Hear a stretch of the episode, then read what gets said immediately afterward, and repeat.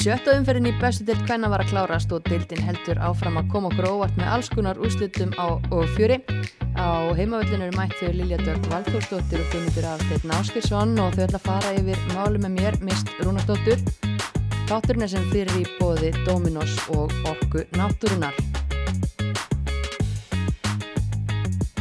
Velkomin, bæðið tvö. Takk fyrir það. Kæra þakkir.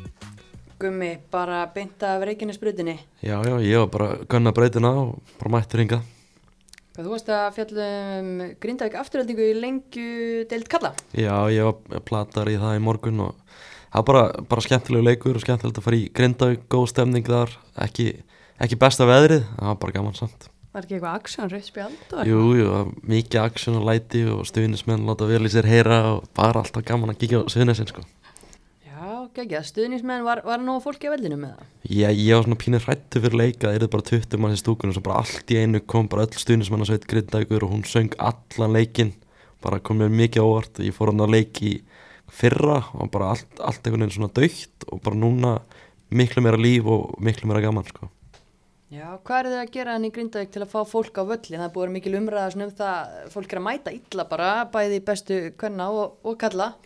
Það er bara góð spurning sko. Er, menn, menn virtist bara hafa mjög gaman að því að mæta sko. Það er eitthvað svona, eitthvað svona félagskapur sk- skapur í því og, uh, og það hjálpar auðvitað að það gengur vel hjá liðinu innan, innan vallar. Um, en ég held bara svona einhvern veginn, maður sá það bara að menn hefur gaman að því að koma og veistu, vera svona einhvern veginn hluti af félagskapnum. Það er gaman. Já, það er gaman. Við þurfum að ná að búa til einhverju svona stemmingu hérna, og við þurfum að vera til í að taka þátt í henni. Algjörlega. Mm. Þú varst að, já, fylgjast með lengi til kallagummi, þú varst að búin að fylgjast með lengi til kvenna, Lilja? Já, ég er aðeins að, að svona reyna að fylgjast með þar, ég kvennaráðin í K.R. Hana, og hérna var á K.R. leik núna bara um daginn, það var reyndar ekki í lengjudeildinni, það var í byggarnum. Það var í byggar, já, það var, hérna, það var hörku, hérna, hörku viðrygin í, í 16. úrslitum byggarsins. Já, þetta voru bara, það voru svona Mismunandi. misspennandi leikirnir vissulega en hérna, já ég bara og svona kannski einhver smá og vant úrslit líka Já, verðum við ekki að segja það, ég minna að magna að sjá Grindavík eh, fyrir í vítakefnum á DBVF Mhm. út í eigum, það er nokkuð magnað og eigakunur hafa vissulega betur, betur þar en, en vel gert, Grindó. Já. Mm, og svo er hérna þetta sárt fyrir mig að horfa á milli tapa en vikingur náttúrulega úr lengjutildinu komið í, í áttalega úrslit. Mm, kannski bara með Viking, þær eru að fara ansið vel að staði í sumar. Já, mjög vel. Fullt hús í deild og kom þar í áttalega úrsliti byggar og Já, Allt að gerast gerast. bara líka eins og að tala oft um en bara umkjörinn í kringum hvernig liðið Vikings, bara Já. algjörlega bara, bara fyrsta flokk sko. Það var bara til fyrirmyndar bara sína alla leiki og ég sá okkur grafík fyrir leik mm bara, þetta er bara einhverju alltaf öðru leveli sko Já, og þeir voru mættir hana á meistaravelli og voru með streymi frá leiknum sem að mjög ástæðlega frábært að því að, að hérna svo var maður að reyna að sjá fleiri leiki og það var bara smá erfitt bras að finna á já, sumir fundust hvergi Við höldum áfram að, rosa vikingum. Þær eru að, að fá hérna, selfisinga í heimsögn 16. júni.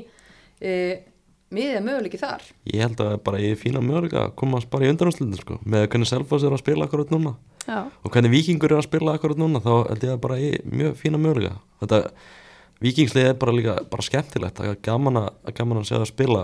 Engir, engir útlendingar í liðinu, bara byggt upp á íslensku leikmennum og það er bara það er svona aðdáðanarvert sko. Mm og þarna fáðu líka svona bara flott tækifæri til þess að sjá hvað það standa því að nú er Selfoss á botninum í efstu og þær eru á topnum í, í fyrstu þannig að þá sjá þær kannski betur svona hvernig, hvernig hérna getu munurinn er eða, eða þú veist, já Já, why not? Og, og já, IBUF FH, það er annar áhugaveri leiku sem er hérna 15. júni. Þróttarar hérna slá val út, fengu erfitt verkefni, gerðu vel á lögadaginn og, og þeim er veluna með því að fá blíkana í Já. næsta leik. það er hérna frábært, þróttu, þróttu breyðablík. einhver hefur blótað held ég eins og Katie Cousins sagði samt í viðtali eftir að dreif var bara þú verður að vinna besta lið, bestu liðin til að verða besta lið sko. já, já, það er bara svo liðis já, já.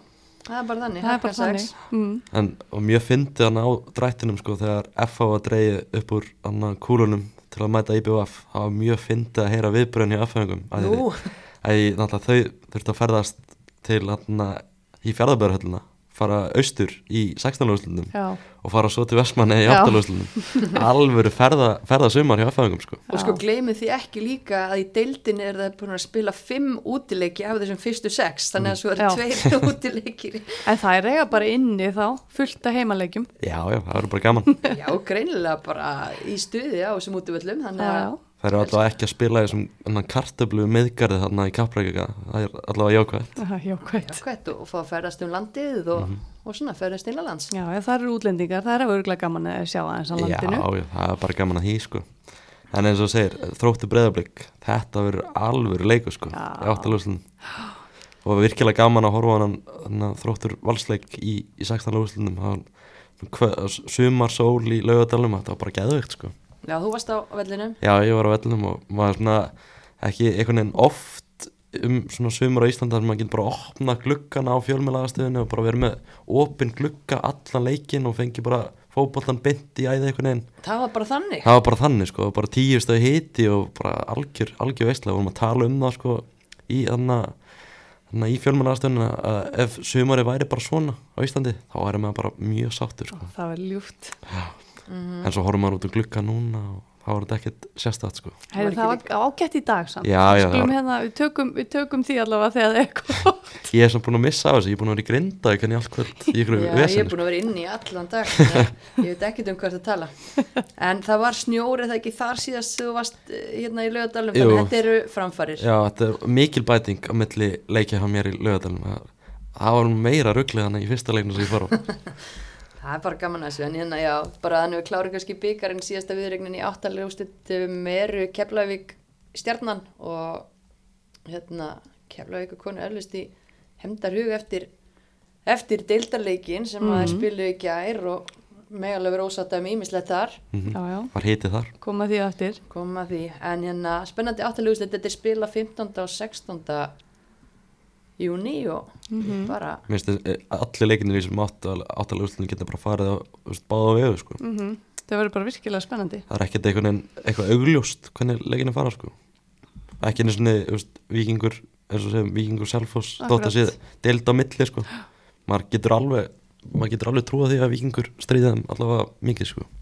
Já, vonandi verður þetta bara byggar fjör og eitthvað óvænt eins og við viljum hafa þetta í byggarkefninni Mm hvar sem að þetta óvænta mun gerast. En hérna, já, líðan við vorum að tala um uh, bongo í, í dalnum uh, á lögadaginn, ég menna að er áhugavert að þessi, já, toppliðin þróttur og valur mættust í byggar og mæta svo aftur uh, strax nokkrum dögum síðar. Mm sami völlur uh, svipaðar aðstæður, kannski ekki alveg opið inn í fjölmiðlabóks, ég veit ekki en það var fínt veður. Já, ég, held að þú farið ekkert mörg kvöld sem toppa þetta kvöld þannig á lögatum sko. það var geðveikt sko.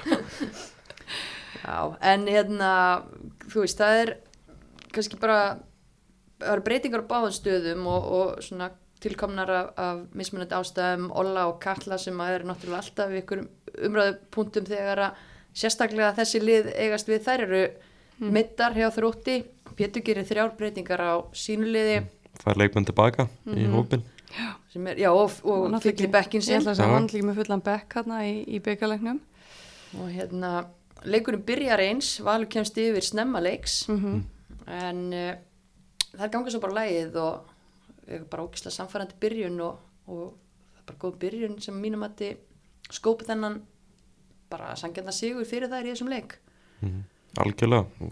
Stert líka fyrir Bryndis Örnu að koma inn, og, inn í lið og setja setja tvö mörg að því hún var einhvern veginn svona pínu fann að detta einhvern veginn út úr þessu. Já, og koma inn og, og svara þessu svona, bara vel gert. Þetta voru líka bara svona alvöru framherri mörg. mm Hún fær náttúrulega frábæra aðstóðrendar frá sikurum bakverðinum í frábærum sendingum en hún gerir þetta alveg óbáslega vel. Hún svona, mér finnst hún rosalega sterk eins og í, hérna, í fyrramarkinu. Að þá er hún með varnamann í sér allan tíman og hérna, hún er samt bara svo sterk og næra að klára það bara virkilega vel og, og eins hérna í, í setnamarkinu þar lætur hún gleyma sér algjörlega og það er einhvern veginn komið svona það fann að riðlast eitthvað vörnin hjá þrótturum og, og hérna allt í hún er, ekki álfyldur sem er einhvern veginn gleymir hann að bak við sig. Og hérna og svona bakurðurinn og ég veit ekki á, í hvað skólöpi hún var í staðan fyrir að koma inn og hjálpa hún og leiðin bara eitthvað út og þannig að hún gerði þetta opaslega vel og létt gleyma sér hérna bakvið en, en sendingarnar voru virkilega báðar virkilega góðar en, Sérstaklega kannski sending á Elisum Já, hún, hún, hún var geggið en veist, það má ekki gleyma því að Bryndisar nátti eftir að klára þetta og hún mm. gerði það alveg stórkostlega sko. Og bakurinn er náttúrulega að fá í rauninni bara plás og tíma til þess að hlaða í báður þessar drauma sendingar og, og þú talar um þú veist skóalöp, ég meina þróttar voru bara einhvern veginn út um allt og í einhverjum eldinguleik það náða engan veginn að klukka og mattsa þessa, þessa kraftmiklu byrjun Nei. hjá val og, og samaskapi bara hrós á val fyrir tempóið sem að þær koma inn í, í miklu stífu leiki álægi Já. og bara hraðin á, á því hvernig það voru að svissa á milli og annað þetta var bara, þetta var stórkastli byrjun hefðin. það var einhvern veginn, maður sá það er náð einhvern veginn að halda upp í tempónu miklu miklu lengur í þessum leik heldur byggjarleiknum og ég held að við skipt rosalega miklu máli að það fá þetta ástísi karni hann inn mm -hmm. og hérna og svo og Laura Kristinn kemur inn á miðuna það skiptir miklu máli. Og, já, og, og hérna og, og Malla kemur líka inn á miðuna og ja, Þórtís fór út. Þannig að það, var, það voru aðeins svona hann breytti aðeins en maður sá bara svona intensity eða einhvern veginn eins og það sem kom, þá var rosalega kraftur til dæmis í ástísi til, í byrjun leiks. Mm -hmm. og það er alltaf bara, þú veist, það missir fyrir öllið að missa Láru að miðunni hjá sér sko, þannig að þú veist þannig já, mér fannst þetta bara það, mér fannst það er bara svona miklu meira sannfærandi heilt yfir í öllum leiknum þarna heldur í byggalegnum en svo segir sko, náðu ekki alveg að fylgja sér byrjun eftir í, í byggalegnum mm -hmm. gerði það bara mjög vel þannig Já, eh, þróttarar klóri bakkan og fá líflenu bara að snemma í setniháleik það er að geta hérna einhvern veginn brotið þetta betur upp, voru búin að fá dauða færi hérna rétt á undan og, og svo skora Tanja Bótsjók eftir já, sendingu frá Jélinu yfir línu, varnalínan hjá Val leitur þetta mjög illa út í, í því marki en frábæla klára hjá Tanníu mm -hmm. og eins og Pétur sagði viðtalið vissum alveg að þær myndu þrýst á okkur og eitthvað annað mm -hmm. en svona fyrir utan þetta mark þá var þetta bara solid hjá Val og, og, og þó þróttar að hafi gert betur í setniháleik heldur en fyrirháleik þá Það fengur enda tvö frábær færi í fyrirháleiknum Í fyrir, já. Það sem að sæjun rendunum hann rétt framhjá hann svona rétt rúlaði framhjá stönginni bara hitt hann alls ekki en það hefði nú alveg geta vel verið hinn með með stöngina.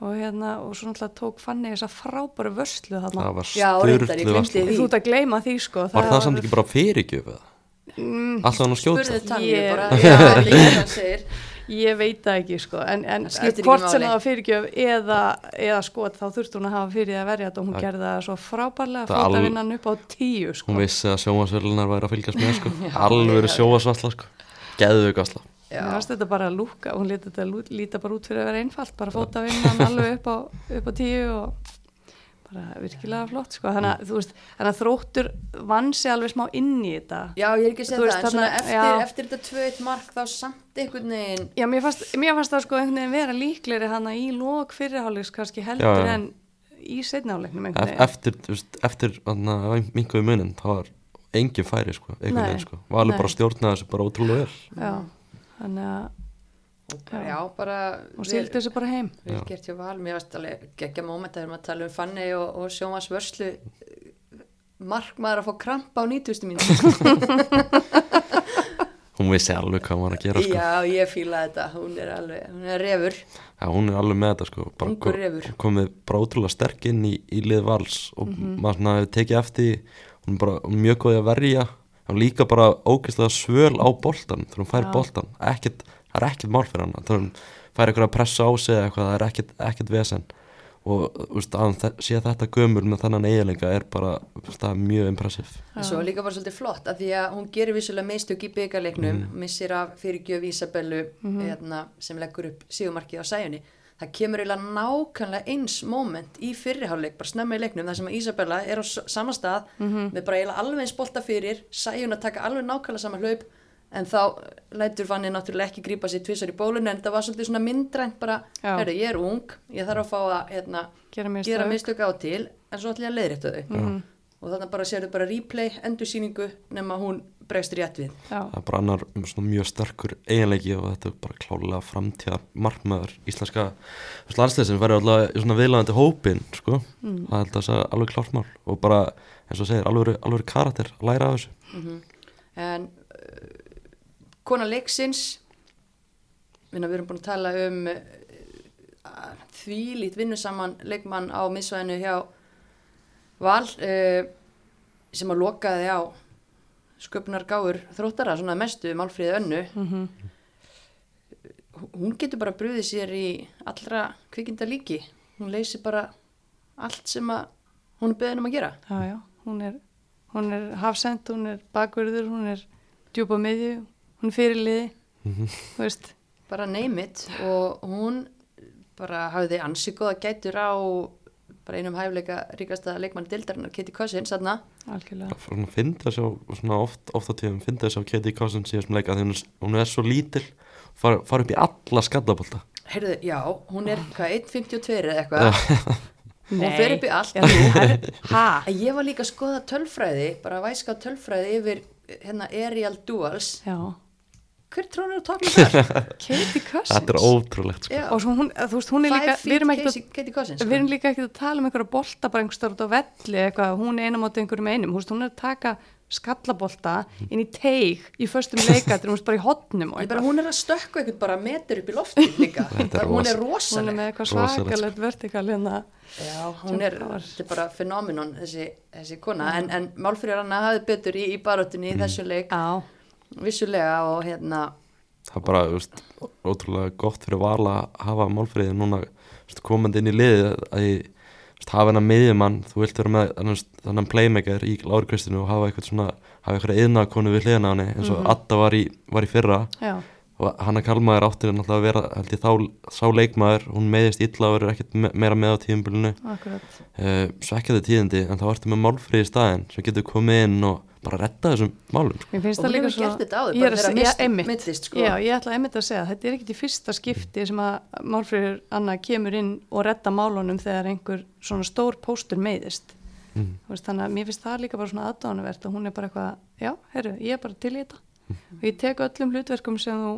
bara bara bara þetta. Ætla mér. maður sér samt, veist, einhvern veginn bara svona potensialega hann festir sig í þessari stöðu bara í sumar, Já, bara við hliðan á Lári og á miðinni já, það er bara algjörlega. spurning hvað Þórdís Elva segir um það og Ídamarinn og aðra en Þórdís Elva voru út á hæri kanti núna. Já, veist, Þetta er bara, svona- maður er bara svona að horfa í hlutverki sem kannski veist, Pétur og Matti og Adda vilja hafa þarna við hliðan á Lári á miðinni þau eru alveg með options, þau eru með möguleika og, og minna, fyrir mér á Málfríður Anna bara að alltaf að starta Já, öllum leiki og mér er alveg saman hvernig spila sem þannig hvar sem er. Já, ég held að það er mjög góði punktur. Hún er bara, þetta er svona eins traustur leikmaður bara þú finnur.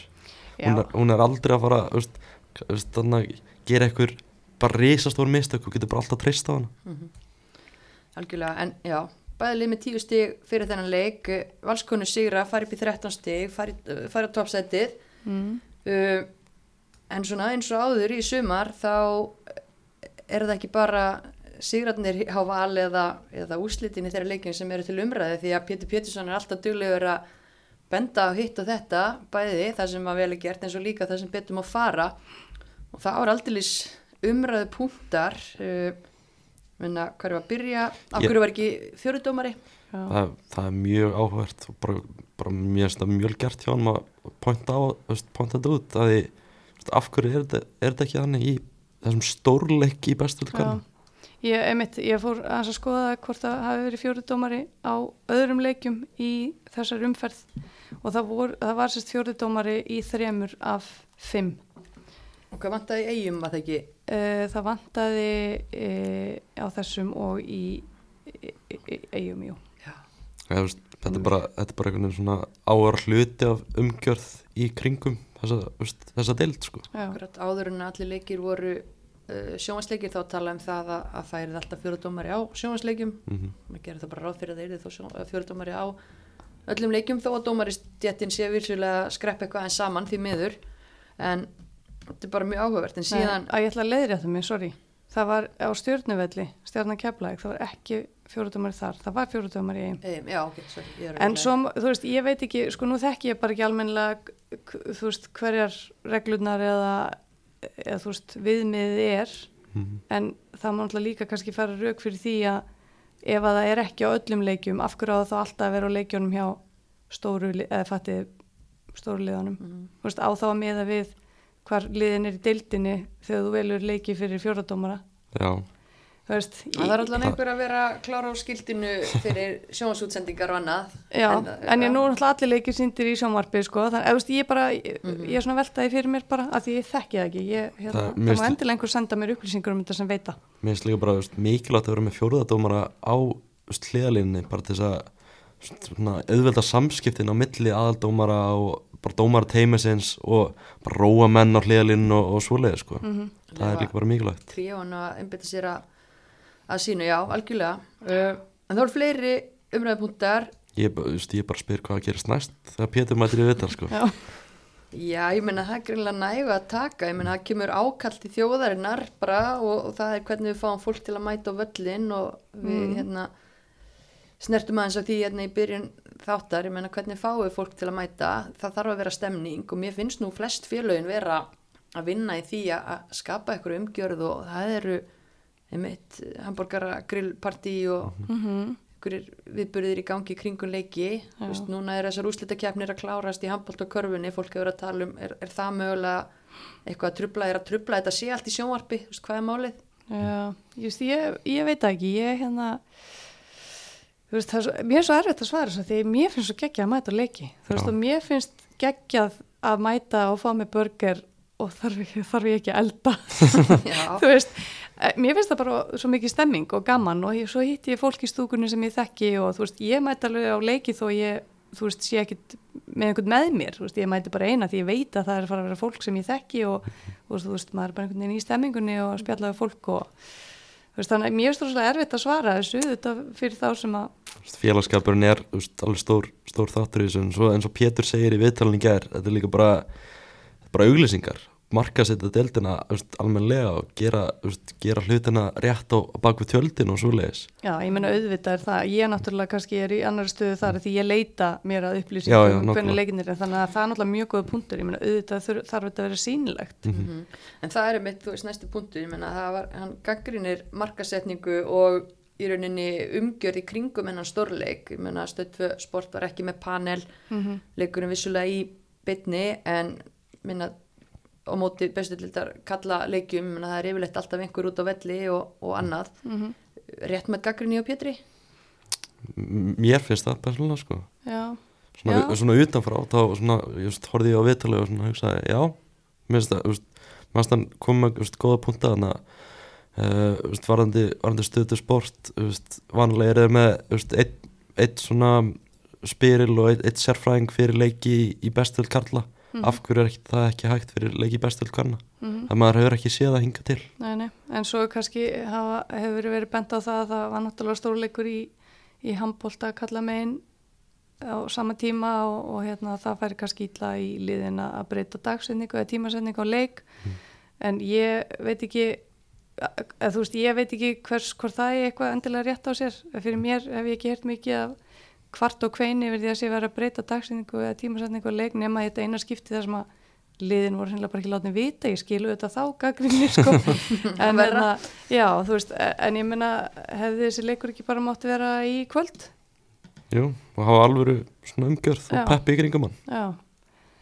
Það er bara bara, góð punktur og, og bara ég vona að Pétur eftir, mér finnst leiðilegt hvað Pétur þarf að- að hérna, benda á marga hluti. En minnst það gott. Að er hann gott það. hann er, að- hann er frábær talsmaður kvennabóltans, já, það er klásmál frábært hjá honum. Að Hann er nýta sitt eh, svona sína stöðu, sitt Hann- plattform hann- er, hann er alltaf óhrættu við að bara fara í barátna sko. maður það líka bara fyrir tímabil þegar að- þetta, allt þetta ITF dæmi var í gangi. Hann var bara á Facebook að skrifa hvern pistilun á fætur öðrum og að láta menn vita að þetta var ekki lægi og þá veist Pétur Pétursson er algjört legend í íslenski fótbolta og það hans, veist, þetta sé honum svona mikið hjartasmáli bara algjörlega bara einhvern svona ómetanlegt sko. já, Mhm. við bara sjá fleiri koma með. Og fleiri mæta á völlin og fleiri með og fleiri mæta á völlin Já. Byr, byrjum þar, það er allan sem við getum gert hérna, við óbreyttu borgarinnir það algjörlega er kannski, veist, varandi svona markasetningu og eitthvað, þannig að hafa, veist, gera svona meira skemmtefni í kringum deildina, þú veist, kynna leikmenn betur og veist, gera þetta eitthvað svona persónlega þú veist, það ma hefði- maður sá, veist, eitt myndbandana fyrir tímabil, þar sem leikmenn kom í eitthvað svona kynningu og voru að tala um fantasy, eða neða, ekki fantasy leikmenn. Nei, ég ætla að segja það, Það það var- hjálpa að vera með fantasy- Já, já. það var líka eitthvað með, með stelpunar það var Já, eitthvað, þær voru spurðar einhverju svona spurningar það er ekkert sést síðan. Nei, það var bara eitt myndband, þú veist, getum við ekki gert, þú veist, fleiri eitthvað svona myndband sem- rúla bara í gegnum sumarið Já. og Já, já, við, við, við séum þetta, út í heimi þú veist, ennska úrvastöldin til dæmis hann að hvenna megin, það er alls konar markastöldin í kringum hana, bara Mhm. Fyrir allar og svona, það er náttúrulega miklu stærra dæmi, það hlýtur að vera hægt að gera eitthvað meira til þess að gera þetta svona personleira og, og kannski, veist, markasetta e eitthvað til þess að fá fólk á öllin, sko einhver stað þarf að byrja ennska deildin var ekki þarna fyrir 15 árum Nei, síðan, nei, sko. alls ekki nei, ekki fyrir fimm árum í rauninni ekki, rauninni sko. Við sko. sá- sáum þannig að með undanúrstinni mestaröldinni Já, Arsenal Wolfsburg Já. það var hérna áhörðan til að vera eitthvað 15 1500 manns fyrir hvað 10 árum Já, eitthvað. það voru ekki, ég held að það sé tíu árum síðan. Það, var ekki, það er ekki lengra síðan. Eru ég fór á úslitaleg meistardildina fyrir tíu árum síðan. Já. við vorum, þú veist, gáttum líka við bara talið okkur, eða þú veist, ég segi svona Já, það voru nokkur hundru manns, Já, það var ekki neitt. Akkurat. Og núna eru hvað 60 manns mæta að leiki út í heimi. Mhm. þannig að þetta, þú veist, þetta er að þróast og við erum einhvern veginn bara svona Við að fara, fara með. með í þessu. Mhm. já, þannig að gott hjá Pétri, ána með hann. Það er hægt að fá, fá alls konar hugmyndir í svona markasetningu og veist, gera auglýsingar og kannski veist, targetað að fá veist, fjölskyldu fólk á völlin saman og fara í veist, hambúrgara og hafa smá gaman og, og svo- svoleiðis. Og svo, það er, það er alls konar hægt að gera ég sko. Algjörlega. Fá sérfrænga í þetta. Er ekki líka bara, svo við bendum það bara á það ég ætla að nýta bara mómentið Mm. breyðarblik stjarnan á miðvikudag í næsta, næstu viku. Nágrann slagur já, það er búið að hérna ég held að honum hafi verið flýtt til klukkan 6 einmitt til þess að fá fjölskyldufólk já, og gera hann svona auðveldar einmitt fyrir, og ég til dæmis með lítið bad Mhm. og ég get mætt ef hann er klukkan 6 mm já, erfitt með ef hann er kortur yfir 7 sérst ef ég ætla að taka badni með já. þannig að mér finnst það flott. Já það er þannig að nú er hérna, það er verið að svara kallinu hérna eins. Algjörlega, og ég held ekki staðfist að það verður einhvers konar panel eða eitthvað meira frá stöðu sport út á velli og það var reyndar ákveði fyrir, fyrir þessa eldraði pétus en, en hérna, það, er bara frábært. það er bara frábært algjörlega og svo, eins og núna breyðarblik, stjarnan það var hægt að gera eitthvað svona eitthvað fyndin myndbönd og eitthvað þú veist, með Katrin Áspjós og Jasmín Erlu og eitthvað bara ge, gera svona almennlega uppbytun í, í kringum þetta sko. akkurat. Það er ímest að tækt uh, Við erum búin að tala ansi mikið já, um, já, já, já, já við, Pétus spesial hérna, og við erum ekki einu svona byrjuð að ræða sko, það sem að hann nefndi eftir byggarleikinu lögða og Ási, tók, Ási þjálfari Breiðabliks tók nú reyndar undir það en, en Pétur var náttúrulega eins og hefur komið fram í fjölmjölum ekki með fullan bekk þá og með þrjá útileikmenn á bænum. Já, og, og hérna og bara gaggrinir fyrirkomulagið að, að það sé ekki búið að vera með varalið þar sem að hérna hann geti spilað ungum leikmönnum og, og þar geti svo já, fyllt upp í leikmannahópin í efstu dild og, og svona annars fara eitthvað djúft í þá umræðu minna hvar, hvar svona standi þið í, í þessum pælingum það fer eiginlega bara eftir með hverjum þú heldur held ég sko hvort þú sért hvort þú sért, haldið með liðið sem er annar deild eða hvort þú haldið með valið að breyðablík sko. það, það, það sé svona hvernig fólk stendur í þessu sko. Eh, þetta er náttúrulega, ég hef búin að vera að kafa svolítið ofan í þetta sko, þetta er búin að vera umræða síðan þú veist, 2015-16 eitthvað þetta er búin að vera ógeðslega lengi til umræði og þetta er, þetta er farið svona í hvern starfsópin og, og fætur öðrum hjá KSI á þessum ástingum og svona. Og það fæst engin, engin niðurstað í þetta því fólk er svo, það er svo skipta skoðanir á þessu hvort, þetta, hvort það sé rétt að gera þetta og, og, þarna, og þegar maður skoðar svona einhvern veginn kostina og gallana við þetta þá er maður svona, og maður horfur á kostina og maður bara, já, þetta make a sense. Þetta er svona, þetta er mjög góðu kostir svo horfur maður gallana líka þá er maður bara, já, þetta a líka sense. Þannig að maður veit ekki alveg svona hvar maður á að standa í þessu. En ég, svona persónulega var ég alveg til að prófa þetta sjá hvernig þetta kemur út. En þá þurfum við líka veist, finna eitthvað svona ák ákveðnar reglur. Ákveðnar hömlur á Já. já, þannig að þetta sé ekki einhvern veginn ósagjant fyrir önnur lið sko. kannski ykkur max stærð þá á leikmannahópum eða það að þessi varalið getur bara spilað í annar og ekki herra eða eitthvað svoleiðis. það er til dæmis hugmynd að því þú veist, minni félögin er hrætt við það ef varlið verða leið að þessi stærri félögin sem valur og breyðablík muni þá bara fá fleiri leikmenn til sín einhvern veginn. Mhm. og kannski ef, ef festum varlið í annari deild þá eru leikmenn sem eru að spila í lengjudeildinni kannski ekki að fara í þessi varlið til þess að fólk, stelpur eru kannski spennta fyrir því að fara í varlega breyðablík og reyna að koma sér að, að það og spila í varlið en kannski er það ekki eins heillandi ef þú spila í annari deild Mhm. um, ég, veist, ég var bara að pæla í þessu veist, ef þú ert ef þú ætlar að leifa varlið, kannski bara veist, hafa eitthvað sérstaklega reg, sérstaklega reglu að það megi bara spila uppaldi leikmenn í varliðin það er Já, pæling Mm. já. já, veist, það var bara eitthvað sem kom upp í hugan á mig sko. Mm. Þannig að þú sért ekki að sækja leikmenn öðrum liðum til að spila í varliðinu sko. Já, þannig að, veist, ef, að leikmenn þurfa þá kannski vera búin að vera í félaginu í þrjú ári eða eitthvað Mm. eða eitthvað súleis til þess að geta spilað í varliðin já. Spurningum að senda þig í næsta starfsóp sem ég, nei, ég ætla að afþakka það búið ég, ég er bara núna ákvaða ég vil ekki fleiri starfsópa, ég vil bara að þetta málu verið leist á næsta ásningi og ég þú veist, það er það er eitthvað, svona, það er eitthvað pælingar um það að verða eitthvað kostningar og eitthvað á næsta ásningi um þetta mál. Ok. þannig að það verður spennandi að sjá hvað kemur út í því. Um, ég las það líka í í anna, síðustu skýslu frá starfshónum að það er svona, með annan flokkin uh, Valur og Breiðblik eru að íta leikmennum upp í mestarflokk íta leikmennum í KH og augnablik til þess að fá meiri, meiri samkeppni og meira krefjandi verkefni. Það er verið að reyna að auka samkeppnina í öðrum flokki með því að leifa Harry Aldur og og eitthvað svona það eru eitthvað svona öðru sér reglu núna til þess að reyna að bæta annan flokkin þannig að það er, það er önnur pæling inn í þessu sko. Mhm. þannig að þetta er mjög flókið mál Þetta er það og ef það væri væri einföldlaust, þá væri löngu búið að leysa þetta. það væri búið að leysa þetta fyrir tíu árum Já, sko. já. Alls konar hagsmunir, alls konar vinklar og ég veit ekki hvað hvað. En hérna- þó Valur og Breiðablík séu sammála þá eru haukar og vikingur ekki sammála þeim og það eru alls konar vinklar í þessu sko Akkurat.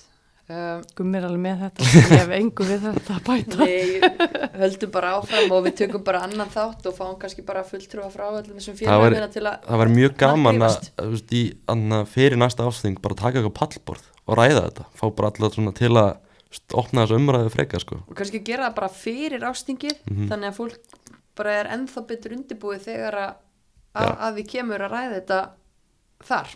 Ég væri bara til að fá fulltrúa frá veist, ans, anstæðinga mætast í þessu máli bara hérna og setja þetta mál. Guð, þú mátt stjórna þeim þætti. ég ætla að lefa þér að gera það. Þú, þú græjar þetta. Já, græðum þetta, myndum við á þetta hérna. en þú veist að samaskap er ekki svona gott, gott lúk fyrir val að vera með þrjá útileikmann á bekknum.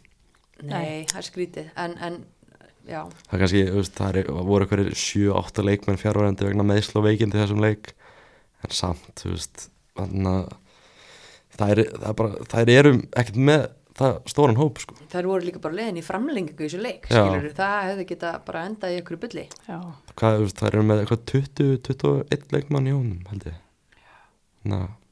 Ég meina, já, einna best, einna stærsti hópurinn þrátt fyrir þetta allt saman, þannig að, mm. og það er að leifa þessum ungu, ungu leikmannum að fara annað á láni. Já, já. þú veist, Arnar er að spila í FA og hann að Sirri Teodora í Selfossi og svona Mm. algjörlega. Mm, en skulum halda áfram og Pétur Pétursson special pásum það þá til næsta þætti. ég er bara spenntur að sjá hvað kemur næst sko. það hefur verið mjög gaman að sjá Það er bara þannig. En uh, förum á Selfoss, Selfoss, Breiðablík. Uh, Breiðablík tekur annarsætið eftir, já, bara mjög sannfærandi sigur á, hvað fallegasta græsvelli bestu dildurinnar? Heyrðu, hann lit bara vel að, í sjómarpinu, sko. Ég, Já, ég er bara ekki frá því og lítur að bara verið hansi vel fyrst að gerfugræslið Breiðablíks uh, náða að fóta sig, já, fóta sig þetta vel. Uh, ég kom þarna fyrir tveimur, þreimur vikum þá leitt grasið bara vel út sko. já, heimitt, það lit bara mjög vel út. ekki það þessu, en hérna bara algjör kraftabyrjun og það er svona fólk hefur að kalla eftir ykkur meira frá Öglumari og hún hérna, svara kallinu með þremur stóðsendingum Mm og er, hvað þar með honum stóðsendinga hæst í dildinni bara, Já, já. ágætist leið til að svara kallinu sko. já en þú veist, náttúrulega bara þetta er alltaf, auðvitað verða mörk ekki til nema að það verði mistök og, og annað en þú veist þessi varnarleikur hjá Selfoss, ef maður skoða bara klippunar af þessum mörkum, þetta er alveg þetta er, galið, þú það eru svo mikið það eru svo mikið bara að horfa á boltan mm þú veist það er svo áberandi eins og bara í hérna eins og í fyrsta markinu. Þú veist þegar að hérna, ástafan alltaf geggja sendingu upp í hodni á Öglumarju en Öglumarju alveg eftir að gera helling hún var með hana hérna, var ekki Jimenna sem var í henni hérna, hún er alveg sterk. En þarna síndi hún alveg styrk sinn og kemur fyrir boltanum og svo verður eitthvað svona klafs. Og meðan að boltin er einhver svona klafsi og eitthvað að það bara byrja allir varnamenn selfos að horfa einhvern veginn á boltan best eitthvað þarna aðeins út aftur enginn drutastlir þess að hreinsunum í burtu Nei, nei, nei. Og, veist, og það er veginn allar bara á sama stað á meðan, var það ekki, hver skoraði fyrsta marki? Var það Hafrún? já, Já, á meðan þá dregur Hafrún sér bara út um svona Labbar 2 svona- metra, veist, það þurfti ekki meira til, bara svona 2 metrar og bara, halló, hér ég, það eru samt 5 varnamenn, bara inn í marktegi eða eitthvað. Þú veist, þetta er svo lélegt. mm. Mark 2 er bara ennþá Ennþá verra, það er ennþá verra. og Andrea bara býður alein Það það ég taldi, það voru 5 sóknarmenn inn í teg, það voru 8 varnamenn pluss markmaður og þær, þær spotta ekki Andriðu sem stendur bara alein út af, hún stendur ekkert langt út af, út af velli, sko, hún stendur nei. bara út af vítuteg. akkurat og bara er býður galin varnarleikur, sko. klára við stöðlaust að það er eins og þau séu bara ekki vakandi. og svo aftur bara þriðamarkið eftir hotspinnu frá Öglumari Öglumari að tók þetta hot sem að skópmarkið hennar andru uh, og aftur eru eiginlega tveir sjensar fyrir selfisinga bara hreinsa boltan frá en þetta er bara eitthvað svona gufu, gufugangur og, og bara, finnst bara einhvern veginn hausina að vera pinnu ávíkjöfni Mm svona bara einhvern veginn Já, þrótt það er það sem ég er að segja, sko, þú veist, það er einhvern veginn eins og sé bara ekki, það er eins og sé bara ekki viðstattar. Einhvern veginn, það er bara svona, zombie stemming já, eða, eða, þú veist, og, það, þetta er bara alls ekki gott þannig að fyrir sunnan sko á Suðurlandinu og veist, maður, eins og að segja veist, þessi varnarleikur í þessum mörkum er bara alveg skelvilegur og maður myndi halda veist, það eru með leiðtói í vörninu sem er, er svona að rífa þetta í gang sko. Já, einmitt það sem að maður hugsa, sko.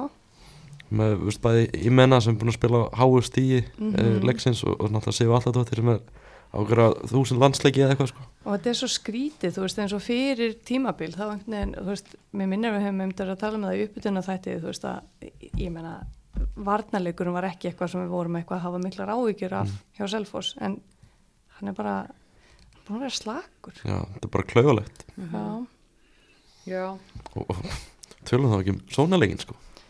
já, hvaða sóknuleik já. hvaða sóknarleik sko. Já, þetta er svona pínu bara, eh, svona vombriði. mikil vombrið maður held svona að myndi ná að taka einhvern veginn skrifið fram á við frá síðustu leikti sko. En Mhm. það hefur ekki verið hann upp að, upp að tíma það, eru, það eru sex leikir búnir og veit ekki hvort maður er að segja línu sem farin að skýrast? Kannski svona ykkur leiti Já, spurning. Og þú veist, jú, vissulega að verða breytingar hana rétt fyrir mót, þú veist að þar skiptum erlendaleikmenn og nýja teknir inn og lánsmenn inn á síðustu metrunum og eitthvað þannig, kannski þurfa þær lengri tíma en mér veist heldur ekkit einhvern veginn verið eitthvað stígandi frá fyrsta mótsleik til þess sjötta sko. Nei, svo er það náttúrulega, auðvitað er náttúrulega einhver meðisli sem að það er þóla kannski verð heldur en önnu lið, veit ekki, að þú veist, það virðist vera þannig, hún náttúrulega, Emilja náttúrulega er búin að vera eitthvað svona tæp og, og hérna, Bjössi, Jim, Jimenna fer út af hann meitt líka alveg í Já. lokin, þú veist, spurning hversu illa meitt hún er og, Bjössi talaði um það í viðtalið við vísi í gær, vísi á stöðu sport að það var svona, var búin að fá hann bandariska framherja fyrir tímabil og svo bara fer hún heim og við það reyðlast allir sóknleikina, voru búin að byggja einhvern veginn leikplan sitt upp í gegnum hennan bandariska framherja.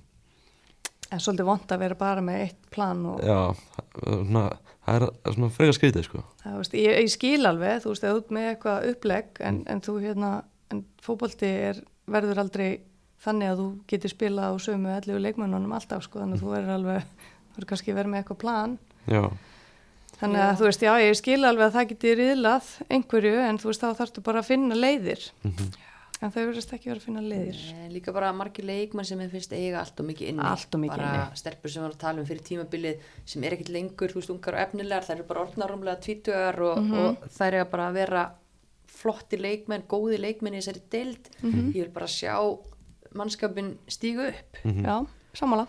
það er bara Og svo hérna, það er bara þannig að því að þú veist, Selfoss á ekki að vera í, í neðstu tveimur sætum hérna eftir eitt þriðja af, af fyrirluta þessa móts.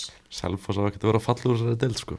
Það er bara svo sko. Það er bara þannig. En hérna, Það er í Jósef núna. já, en að samskapið frábær framista og samfærandi hjá blíkunum ég menna voru allir að tala um toppslægin topp, toppleikur þróttar á vals og, og blíkar vissu þannig alltaf bara að, að þær væru alltaf annarkvort að fara að taka fyrsta eða annarsætið eftir þessa umferð og, og þetta er bara að fara að líta og í gamla Gerðu þetta það. Valur og tvö já, Ekki alveg. nei, nei. Ekki ennþá.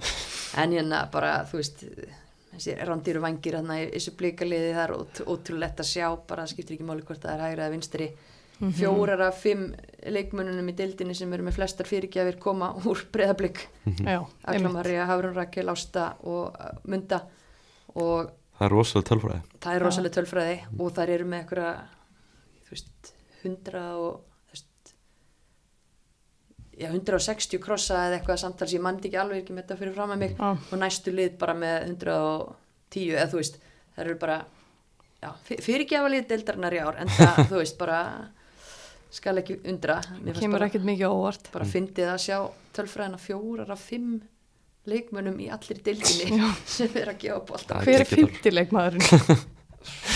Manst það? Nei, ég man það ekki en, en svo eiga þær einhvern veginn líka bara Katrin Áspjörsdóttir sem á að vera inn í bóksin að, negla þessu inn hún, það er eiga hann einhvern veginn bara inni Já, það eiga rétt. mörkin frá henni inni því hún er, veist, hún er að stíða upp úr þessum meðslum og, og Já. svo leiði sko. mm og þau þetta er alveg Þau- engi spurning það er klárt mál sko. En er þessi sigur, já. Spurning hvenar og hversu mörg þau verða? Já. hún skorar hún skorar, það er þarna, fullt í sendulunum það er svona smá svartu blettur á þessum sigri Karitas Tómasdóttir á gamla heimavöllinum sínum slítur Já. hásinn og það er umurlegt Ömurlegt. þeir eru einhvern veginn svona að komast að stað eftir Ó, já. með slífettur það voru erfitt bara ár fyrir Karitas Það er bara batakveður, Kartas, þetta er umulegt. bara mjög leðilegt Bara vonandi, þú veist, kemur hún bara tvíald tilbaka. þetta Já. er líka bara mikið högg fyrir blíkaliði og miðsvæði hjá þeim Þetta er það náttúrulega. engi, engi spurning, Karitas ótrúlega mikilvæg leikmaður og, og að þú veist að tala um að Kat- Katrín inni, menn að við, við reiknum með því að það rættu Karitas inni því að, að hún er bara rétt að svona komast í gang á þessu móti Já, lítið blíkaliði samt bara, ekki bara, bara vel út svona heilt yfir manni finnst það á dögum sem þessu menn síðan einhvern veginn hefur þetta er verið með stöðuleikana næstu því búin að tapa stigum á móti FH og heimavalli í síðustu umferð, þú veist, það það er, XG þeim leik samt var eitthvað út af kortinu sko. Það var mikill munur í þeim leik sko. já, Já. en, en já, það er náttúrulega að vinna hann ekki fyrir bara alveg, þetta er svona dramatíst svolítið, Já, en þú veist bara en það er vinnan, já. Og líta bara vel út mm Mhm. með ágóðan deg já, gera já, já, og já, já, stórkostlega já, já, já, og svona leikmenn að taka pláss eins og Hafrún Rakel og svona bara geggja að sjá hvernig hún er að koma inn í þetta frábært, ég sagði Íslandsmót. ég sagði hann að spila á móti framöndaginn það letur nokkuð vel út þar. Já, ég varst ekki um það. Kannski mótspila hann ekkit rosalega mikil samt. Nei, bara guðblessi sko, bara ég er bara alla, mér er alveg sama hver það er bara eldast við þessa eldfljótu flinku blika. Já, meirinn að segja það, væli samt með viðtalinu Óskarsmára eftir þann leik, það var mjög jákvæður. Já, já, já, já, ég meina það er peppast þitt lið, Já, já. núl pressa á, á lengidildar nýluðum lengidilda það er bara gaman að fá, þú veist, að máta sig svona, já, já, algjörlega ekki það er svo sem aldrei gaman að tapa svona hræðilega en þú veist æ, það er samt alltaf, þú veist að fá eitt svona, svona bara ekstra leik, það er gaman sko. já, Já, og bara fyrir þessar stelpur að það er að spila mútið landslískonum Já. Það. það gerist ekkit á hverjum degi þannig að, að margt í þessu sem er að taka út úr þessu já, já, já. en hérna, við erum inn í búið Dominos Mm. og við erum búin að vera að kvíla Dominos spurninguna svolítið undarfærið ég ætla að henda þetta á ykkur núna í tilöfni þess að komi nýr mánuður nýtt tríó. All right.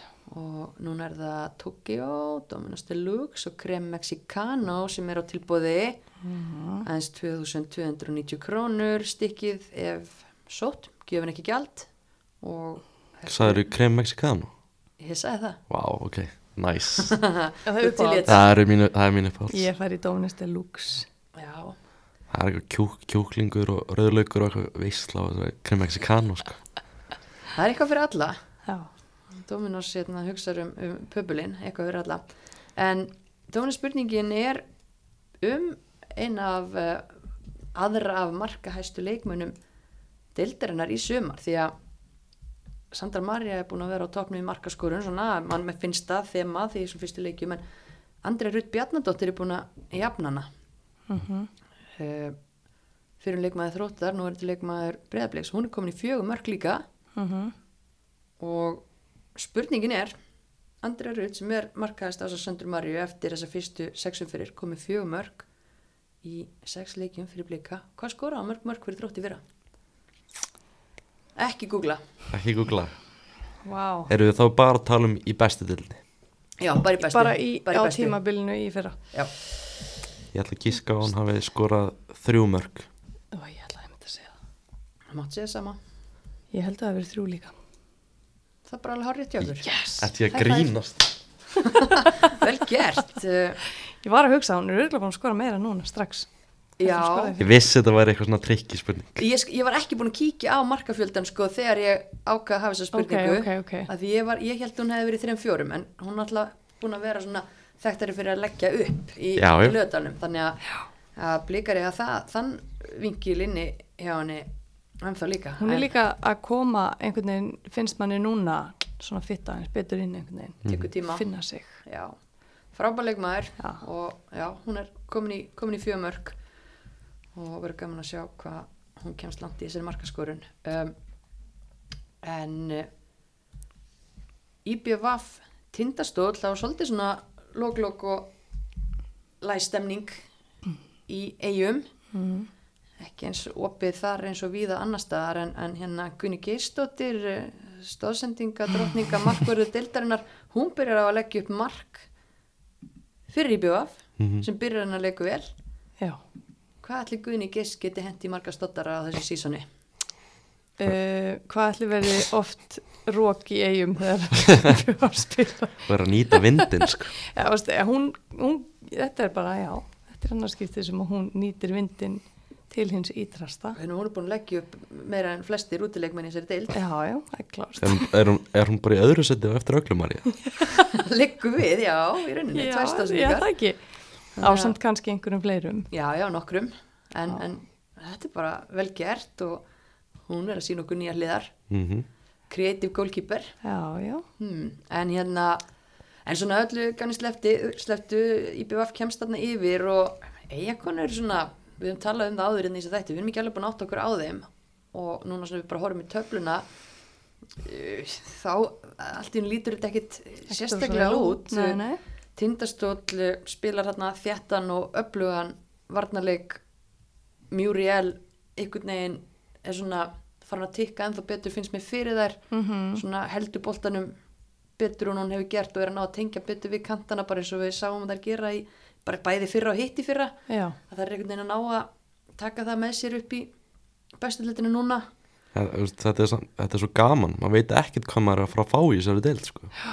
bara eins og daginn tindastóll vinnur stjörnuna bara allir einu og, og IBF vinnur þrótt 3-0 á heimaðalli og svo vinnur tindastóll IBF í Vestmannum og það er alls konar óvandi hlutir að gerast. Þetta er bara er rosalegt og tveir sigrar í röð Já, nýliðum sem er- tindastóls. einmitt, það er ná að tengja sem er frábært.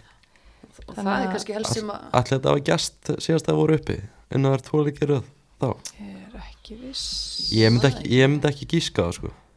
það er unnu fjóruleiki allt sumari mér finnst það ekki líklegt. Nei, ég, ég held ekki sko. En ég man alltaf ekki neitt þannig að það er ekkit að marka, marka það en bara, en bara frábær, frábær sigur hjá þeim. Og svona óvænt stjarn einhvern veginn í þessum leik Melissa. Já, Garþía Garthia Garthía Já, hún er tvekja marka, marka konan og, og skora bæði mörkinana en, en mér hefast nú önnur hetja heldur betur vinna fyrir kaupinu sínu og, og það var miðurinn með skondna nafnið Gwendolyn Mömmert. Mm. Bara- fyrir utan fyrstu tvær mínúturnar. Já, fyrir utan, utan þá það. var hún ekki alveg mætt þarna þegar að Guðni átti stóðsendinguna þá voru, þá voru hérna hafsendarnir ekki alveg með á nótunum. Það var enda með smá sjóriðu. Þær voru svolítið eins og það var bara í slow motion hérna þegar Olga trítlaði fram hjá þeim.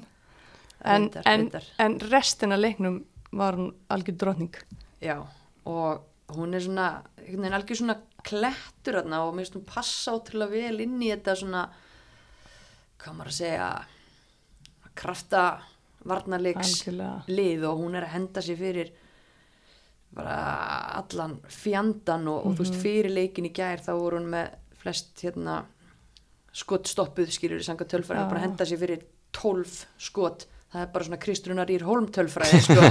hún, en hún tók líka hana því ég elska góða tæklingar. Já, hún tók náttúrulega alveg frábæra rennitæklingu þegar hún stoppaði Olgu einmitt.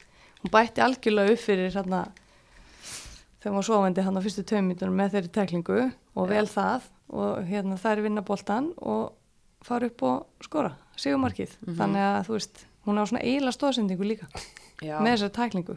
Hún var svo frábæra, hún má eiginlega telja sem stóðsending Já, mér stungeggjuð og, og bara ótrúlega vel gert hjá stólunum minna þetta eins og var ekki mikið að færa mér sem leikjum en, en stólanir nýttu sitt bara alveg eins vel og, og þær, þær mögulega gáttu, gáttu og bara stert, mér varst þar svo lélegar þegar ég sá þar síðast á móti uh, Selfossi eða þess- þar síðustu umferð. Já, sá ekki leikin hjá þeim hanna á síðuleikin á móti stjórninni því miður en hérna bara einhvern veginn Stólanir bara Allt komnir á rönn komnar og rönn og allt getur gerst eins og segja mig, hvað gerist næst? Akkurat. Þetta er bara rosalegt. En, en þú veist, svo velti ég fyrir mér eins og með IPVAF við erum svona að pæla, þú veist það eru þjálfara breytingar og, og einhverja breytingar á leikmannahópi en samt einhvern veginn sami kjarni Mhm. mörgu leiti og þú veist, í fyrra var þú veist, Jonathan Glenn leggja mjög mikla áslu bara á að halda boltanum og, og, og það er ekkert einhverju kikkan rönda það er bara uppspil og, og já, svona ymslar fæslur og annað í gangi sem við þekkjum frá eiliðinni fyrra og manni fann svona undirbúinustímbilinu eins og það ætlaði að fara í svipan pakka en svo er þetta, kannski er það bara því að það er alltaf búið að vera roki í eigum og, og þú mm. þarft aðeins að breyta uppleikinu en, en þeir eru með veist, næst lægsta possession til dæmis af öllum í upphæðu móts á meðan við að þær voru bara svona meðalið í því fyrra mm -hmm. þær eru að halda miklu minna í bolta eða miklu, þær eru að halda minni í boltan og ég svona velti fyrir mér sko bara stefnuna hvert ætlaði að fara er bara Gunni Geist að fara bombón minn fyrir Olgu og er það upplegið upplegið í sóknulega örgla Nei, bara svona, bara hugsa, ég er að hugsa upp átt. Já, já, já. bara eins og þegar maður horfir á, á tölur og, og úslit og, og svona hitt og þetta. Ég, ég talaði hans við Tóta Hristof þjálfur í byggða fyrir tímpir sem ég höfðist bæði mjög skemmtilegur í viðtölum. Gaman að hann er búin að vera lengi á Íslandi og hann er með íslenskuna á reynu bara búin að vera al- algjörlega, algjörlega bara, bara mjög skemmtilegur í viðtölum. Ég talaði hans við hann fyrir tímabilið og hann svona, talaði um það hann vildi ekki geta gert svona alls konar hluti í taktík og var ekki að hugsa um eitthvað eitt, eitt uppleg og ég hugsaði svona kannski það sem smá, svona smá vandamál. Erum ekki með svona einhverja skýra stefnu í taktísku upplegi mm.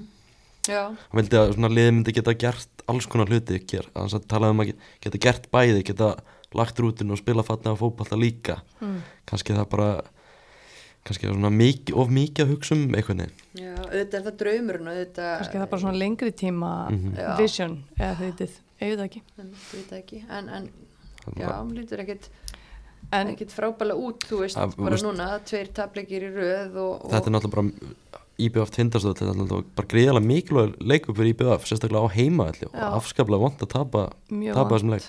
Og líka það er svo vond að tapa honum á sko fyrra markið sem að tindastól skorar var bara virkilega velgjert ég held að sé óbúslega lítið að það setja kannski út á svona varnarleikin þannig. Ég, eða, veist, ég veit það ekki, fannst ykkur er ég í bullinu eða en mér fannst sko setna markið, það var ræðilegt varnarlega hjá IBF, þú veist, það, þá hugsaði ég bara býtu hvað hva gerðist eiginlega þarna, þú veist hérna, Mjúril var bara út á kanti þarna allt í engin já, og, þú veist og, og, og hérna þú veist, jú, jú, það eru alveg ungi leikmenn hérna, en þú veist, þetta var ekkit hérna þú veist það var heili í fyrirliði sem að var í rauninni svo sem var næstinni sem ég hefði bara, Bara, alltaf ætlast til þess að hún myndi mæta henni miklu miklu fyrir og loka á hana sko Við það ekki hver Muriel Tyrnan er Emitt, þú veist, þú bara leifin að að vaða upp og bara inn í tegin og upp að endamörkum og, og svo náttúrulega eiginlega skora á hann þetta marka, hún hamra hann svo fast í hann.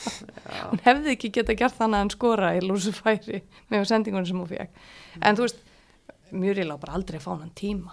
Aldrei. maður sá, þetta líka á móti val um daginn það tjá að Fields fekk boltan bara inn í tegnum og fekk bara aðtæðna sig bara í einhverjar 5 sekundur eða Já, og fekk bara snúa og Já, eitthvað. já. það er rétt. ekki fyrsta sem þetta gerir sko. Nei, En við erum bjöllur í Vestmannegjum já. uh, 6 stig eftir 6 leiki nýjunda sætið bara búin að skora 5 mörg reyndar veist, ekki búin að fá að sig eitthvað, eitthvað, eitthvað rúu, búin að fá að sig 6 mörg sem er nú Já, er ekki, ekki svona minna træðilega. lægi svona eins og næri hluta. Þetta En- er svo dutt á milli þessu bara eitt sigur og komin upp í 15 stið sko. já, já, við erum samt að vera dramatísk alltaf alltaf drama. En hérna, já, já, bara tindast allan, allan á rönni og, og, og hrós bara norður, Já. gera vel úr því sem að þau eiga. Það eru, ég held að tindastóll sé klálega bara svona eitt best skipulaða liði í dildinni, maður sá það bara svona virkilega vel á móti, Já, sko. einmitt. hvað eru vel skipulaðar og hvað eru svona með sín hlutverk á hreinu Mhm. Talandi um stjörnuna, höldum áfram fyrir mig Garðabæin, stjarnan Keflavík uh, stjörnukonur vinna þar sannfærandi 3-0 sigur en eh, Keflvíkingar mega vera hundsvegt með þetta fyrsta mark Eða mark, var það mark? mark í gæsalöpum Já. ég menna þetta er aldrei mark Sko, ég, ég gæti ekki sé að þetta var mark. Ekki frá mínu sjónarhóðni, en Sko, ég er ekki með öll sjónarhóðin. Nei, það er ekki því miður ekki öll sjónaröndin í bóði Nei, Erfitt að sjá þetta úr sjónvarsmyndaöðlunni já, þegar hún kemur á hlið. En svo þessar upptökur sem er að ganga á Twitter og samfélagsmiðlum uh, sko, ég bara skal hundur heita ef að þessi bolti var einhvern tímann Ég- farin allur yfir já, marklínuna. Það lukkar ekki þannig. Það lítur svona smá út eins og eitthvað drauga mark sko. já. Já, mér, já, ég bara Ég myndi ekki- allavega vera verulega súr ef ég væri að spila fyrir keflaug og hefði fengið þetta á mig. já, Fengið bara þetta það að taka líka ákvörðuna sko ég veit ekki, þú veist, ef hann hefði verið farin yfir línuna það er einhvern veginn skárra að sleppa því heldur en að Já, ég, það er nefnilega málið, sko. það ert að vera 110% viss að bolta sig 150%. 150 og 5% Já. og, og og, og keflvíkingar þú veist, það, er, hérna, það var í rauninni sko, eins og Anna-Maria var ekki einn svona byggjum mark. En aftur á móti reynslu boltinn Málfríður Erna hún kallaði strax. Og, þú veist, og það náttúrulega skipti líka máli sko. Stráði svona smá evasendum inn í dómaran sko. Hérna, en, en þú veist, hún byrjaði svona, minni mig að hérna, en, en þú veist, það var eiginlega enginn með í því veginn. Og svo, en svo kemur ákvörðin mjög fljótt samt. Já, ég veist það skrítið, ég held að þetta ekki verið mark. Nei, ég held ekki heldur. Aldrei mark fyrir mér en, en þú veist keflingar er alveg búin að vera að lenda svolítið í þessu að fá okkur að tuskur svona, eh, svona bæði gera kannski klöfuleg mistök og, og koma sér í vondastöður en líka bara fá ósangjarna dómgæslu svolítið mm. á sig á vondum tímapunktum. Uh, ekki það að stjórnukonur voru miklu betra liðið þessum leiksætisrún já, já, en þetta er, það hjálpar ekki Þetta þú mætir ekki. Samsung og, og byrjar á einhverju, einhverju svona. Nei, nei og þú veist, ég er alveg sammálaður, ég menna stjarnan var bara tölvöld betra liði í þessum leik og, og sigurinn alveg verðskuldaður. En það er náttúrulega glataði mitt að fá þetta. Það var ekki bara 15 mínúti eða eitthvað svona. Mjög snemma í Þú leiknum vilt alltaf halda sem úst, útileg í Garðabænum sem svona underdog, vilt alltaf halda núlinu hans lengi og getur sko. Mm. sjálfsögðu. Og svo náttúrulega ótrúlega slísalegt 2-0 mark. Já, líka eitthvað? Fyrðulegt útlöp þarna hjá já veru, varis verður maður ekki að setja spurningamerki við veru í markinu í þessu? Jú, meni, hún varði mjög oft mjög vel í þessum leik Já. og er búin að vera verja vel á þessum móti en svo koma svona svona moment. skrítin moment og sem að svona fyrir mér þú veist, ég get ekki alveg tristinni og ég er bara áhorandi mm. þá veit ég ekki hvernig liðsfélagunum Já, svo var það spurning hvort að Jasmín hafi nú eitthvað snert boltan, hún vil náttúrulega meina það og þú veist, sætis og en það breytir alveg já, að það, en það breytir samt ekki þó Jasmín hafi réttnaðu tötsan veist, það var ekki það mikil það var aldrei það mikil snerting að hún hefði gjátt að geta reiknað út flugið á boltanum sko. Nei, nei, nei, hún var bara löngu farin, löngu tínt veist, það hefði allir frekar fyrirgefið henni ef að Jasmín hefði bara náð alvöru skalla í annarkvort hotnið Mhm. og hún hefði ekki varið það, hún hefði þó allavega verið á staðinum þar sem boltin kom til að byrja með sko. Já, ekki bara segja að hún sé enginn saman það mörfi ja. hún er ekki al, alveg kannski á hennar leveli nei, enda það er svo sem Það er það erfitt að fáar? matcha hana, já. En, En, hún, hérna- en, en þú veist, en svo málu líka að það komi fram líka, hérna Sætís átti eitt geggjaskot sem hún varði frábælega og svo er mitt Mhm.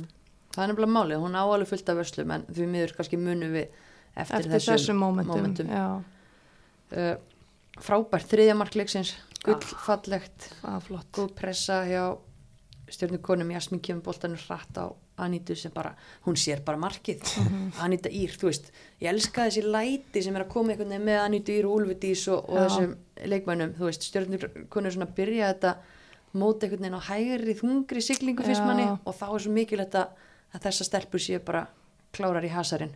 Það vantaði Úlfu í þennan leik. vissulega. Veik. Já, en hérna bara þú veist ótrúlega vel klára hjá Anítu og, og stjórnu konu bara að dansa dansa þessum þrejum stegum heim. Já, og uh, skoru 40 og eitthvað prósent af mörkunum sínum á tímablundi þessa í, í þessum leik. Já. ymmit sem er áhugavert. Það náttúrulega sér. voru reyndar heitar náttúrulega úr byggaleiknum. já, já það er kannski Ný- bara gott fyrir þær að fá grótuna í byggar Já, það, já það kannski getur ekki kveikti það á gott. einhverju sko. Ný- 9-1 Já, Já. í byggunum. Það er reynd samt undir. það lendi undir og unnu 9-1 það er rosa. Það, já.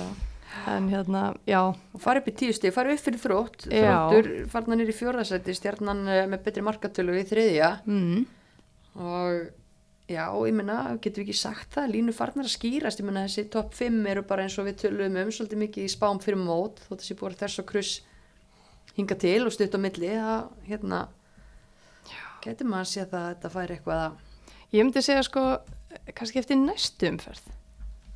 breiðablík stærnan Já, það er líka bara, uh, þú veist, Valur Þór Káa. mm áhugaður leikir næstu með Já, já, býðum aðeins með það en tindast og hérna- þróttur sko. Þetta, ég, ég, ég, ég, er, hérna, ég er ekki alveg til í að segja línu sem farnar skýrast alveg strax.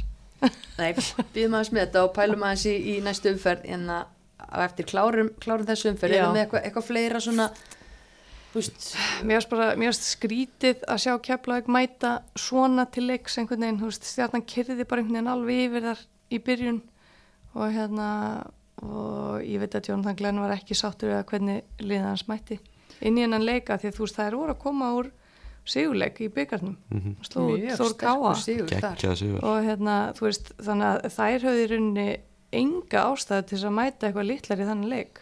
Kannski þreyttar. Það gætur umlega að vera þreyttar. Og maður mað sá það einhvern veginn líka, þú veist, það, það voru svona moment þar sem það voru að reyna að setja einhverja stíða eitthvað herra og setja pressu.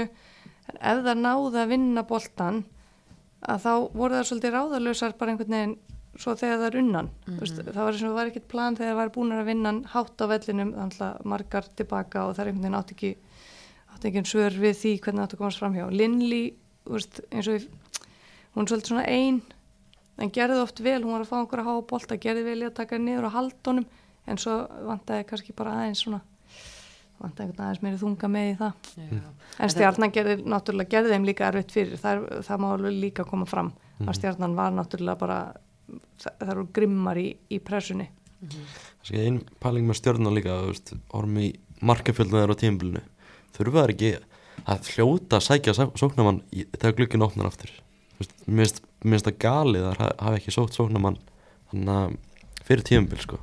Að ég, ég veit að þær voru eitthvað að skoða erlenda markaðin og, var eitthvað, eitthvað komin inn og svo datt hún út og eitthvað svoleiðis. Mm -hmm. en til dæmis bara veist, með, með Jasmín og frábæri, frábæri fyrra þegar hún vann svo mikið í kringum Katrin Áspjörs, mm Mhm. -hmm. hún þurfi eitthvað neginn, eitthvað þannig leikmann til þess að vinna í, vinna í kringum.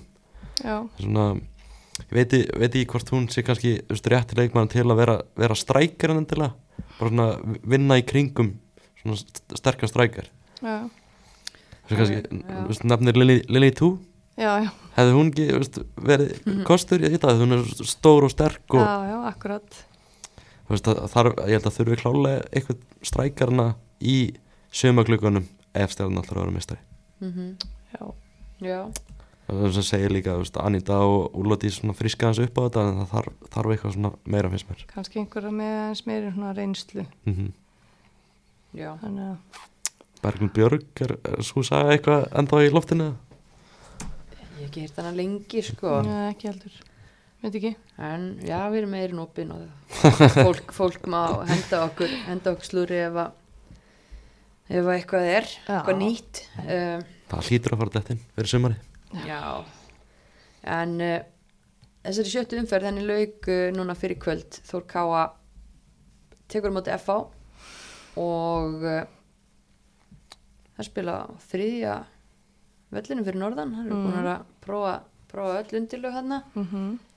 uh, og byrjaði hann að leik hrikalega vel bara fyrstu 15-20 er þetta bara einstefna bara Já. sérstaklega fyrstu 5 mínúturnar bara geggju byrjun hjá Þór Káa Mhm.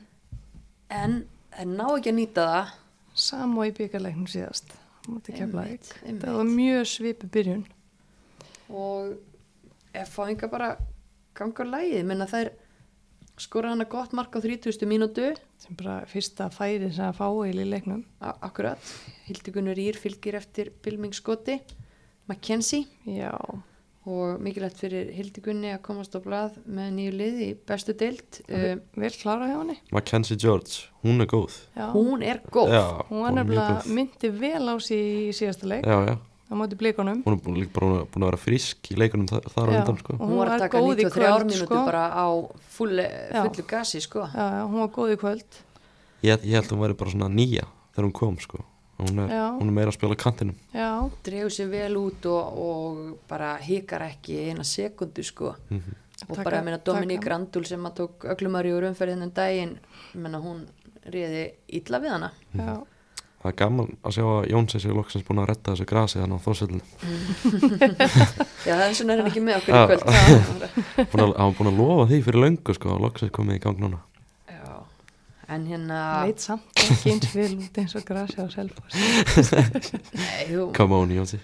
Ég er ekki mikið en hérna þessi, já, þú veist, FO gengur leið og, og þegar að FO ekki komast yfir þá bara finnst mér einhvern veginn allt fara úr skorðum hjá Þór Káa bara svo trúin hverfi og, og það er einhvern veginn tapa öllum sínu gildum og enginnum og, og FO ekki bara gengur leið þá var Þór Káa hefði unnið öll þessi 50-50 alla baráttu, alla tæklingar og allt þessa fyrstu 15-20 það snýrist bara algjörlega við og allt í hennu myndaður bara á sig í fyrra. Já, smá. Pínu, svona keimur. Já. Litlar litlar í sér og, og, sem og, er svo, þú veist, sérstætt að því að hérna, þú veist, þær voru að spila á móti FH og, og hérna, þú veist akkurat það eru eitthvað litlar. Á heimavelli en tölum þá um FH menna þær ganga þarna lægi þær, jú, bara hangin í þessu þarna og, fyrsta korterið. Mm. hefnar í rauninni bara. Mjögulega, já, var ekki refsað en, en svo er það bara geggjar, bara baráttan, Já. powerið er krafturinn í þeim ég er svo gaman að þessu F-fáliði sko. Mér finnst það svona af því sem ég hef séð að þeim sem mér finnst það bara eins og sé drullu saman hvað er að mæta Mhm. bara fara, spila sinn leik negla liðinu bara lengst upp á völlin bara skilja eftir alls konar svæði en það er bara að spila sinn leik það mæta aldrei litlar nei, þær Nei. mæta ekki litlar og, og þú veist, einmitt, taka hana þrefaldaskiptingu þar hálftíma eftir svo gera tvöfalda held ég minna eftir. Og ég var að lýsa þessum leika á þann og það kemur svona móment það sem er langaði bara frista ramman ég held að sé 85 eða 6 mínútur klukkunni þær eru 1-0 yfir á útivelli á móti Þór Káa boltin er á miðjum vallarhelmingi Þór Káa og það eru 7 F-fængar í mynd ég bara, hvað er að gera? Þetta er svo, þetta er svo gaman sko. þú veist, þú kom upp sem nýlið í efst, bestuðurna og það spila svona fótbolta Já, já. mér finnst það ógeðslega gaman og virðingavert bara líka að þú vilt sjá skemmtilegan fótbollaleiki bestur hvenna, farðu á F-leiki mm allt, mér finnst það alltaf gaman að horfa á það spila sko. Já, það eru rosalega og, og þið voru að tala um Mackenzie og, og bara vinslan í henni er rosalega en bara Shayna Shuri, við að tala um þú veist Betsy Hassett sem einhverja Duracell kaninu Já. Betsy kom með hérna samkeppni í Algjörlega. Duracell kaninan 23 sko betur það eru Já. bara líka rosalega gæði en bara auka spinnur og hotspinnur og bara frábær, frábær spinningunar sko. bara keppniskapið og ástríðan. Já. og bara skín úr augunum á henni og þetta er því líkur hapa fengur, ég var ekki trefin hann þegar hún var fyrir norðan fyrir tveimur árum og, og svo náttúrulega gæti hún lítið spilaði í fyrra út þessu atvinnulefis já, já, vesenni. fjaskói og svo erum bara allir náttúrulega fyrirlið F og Já, og reyndast er til að sunni á að koma tilbaka. Það munar líka um það Já, og, og tekið þá við, við bandinu. En, en þetta er bara já, frábær byrjun og gríðarlega mikilvæg stig hjá FH en aftur á móti þrýr tapleikir í röð þá komnir eh, Þór Káa Þór Káa held ég þurfa að fara að taka æfingar í, hérna, í hotspinnum mm. Það fengu fullt, fullt af hotnum í þessum leik og það er, það er illa nýttar. Fyrir utan þessa einu sem að hérna fór í slána. Já, Ísvald sett hann einu sinni í slána svo var einu sinni svona dettari hérna í, í fyrirháleik en það voru 14 eða 15 hotn held ég sem það fengu Já, þetta er þegar Karin Marja fekk færið þarna og skaut honum yfir af markteg cirka. Nei, ég maður ekki Það var örgulega upp úr hotni, minni mig. En Já. þú veist, en ég meina það er ekki góð nýting ef við erum að tala um 14-15 hotn. Það er ekki góð nýting, það er rétt Ég meina að boltin er ekki einu svona, það er ekki einu svona að koma færi upp úr því fyrir utan þegar hotspinnan sjálf fyrir slána út af vindi. Mm Nei, nei. Ekki kannski bara út af vindi, ég ætla að gefa henni hún að við verðum að reyna að skora og nýta vindin til þess, ég ætla bara að gefa henni það. En þú veist, ef það er ekkert sérstaklega góð nýting, það getur kannski, kannski bætt það aðeins. -hmm.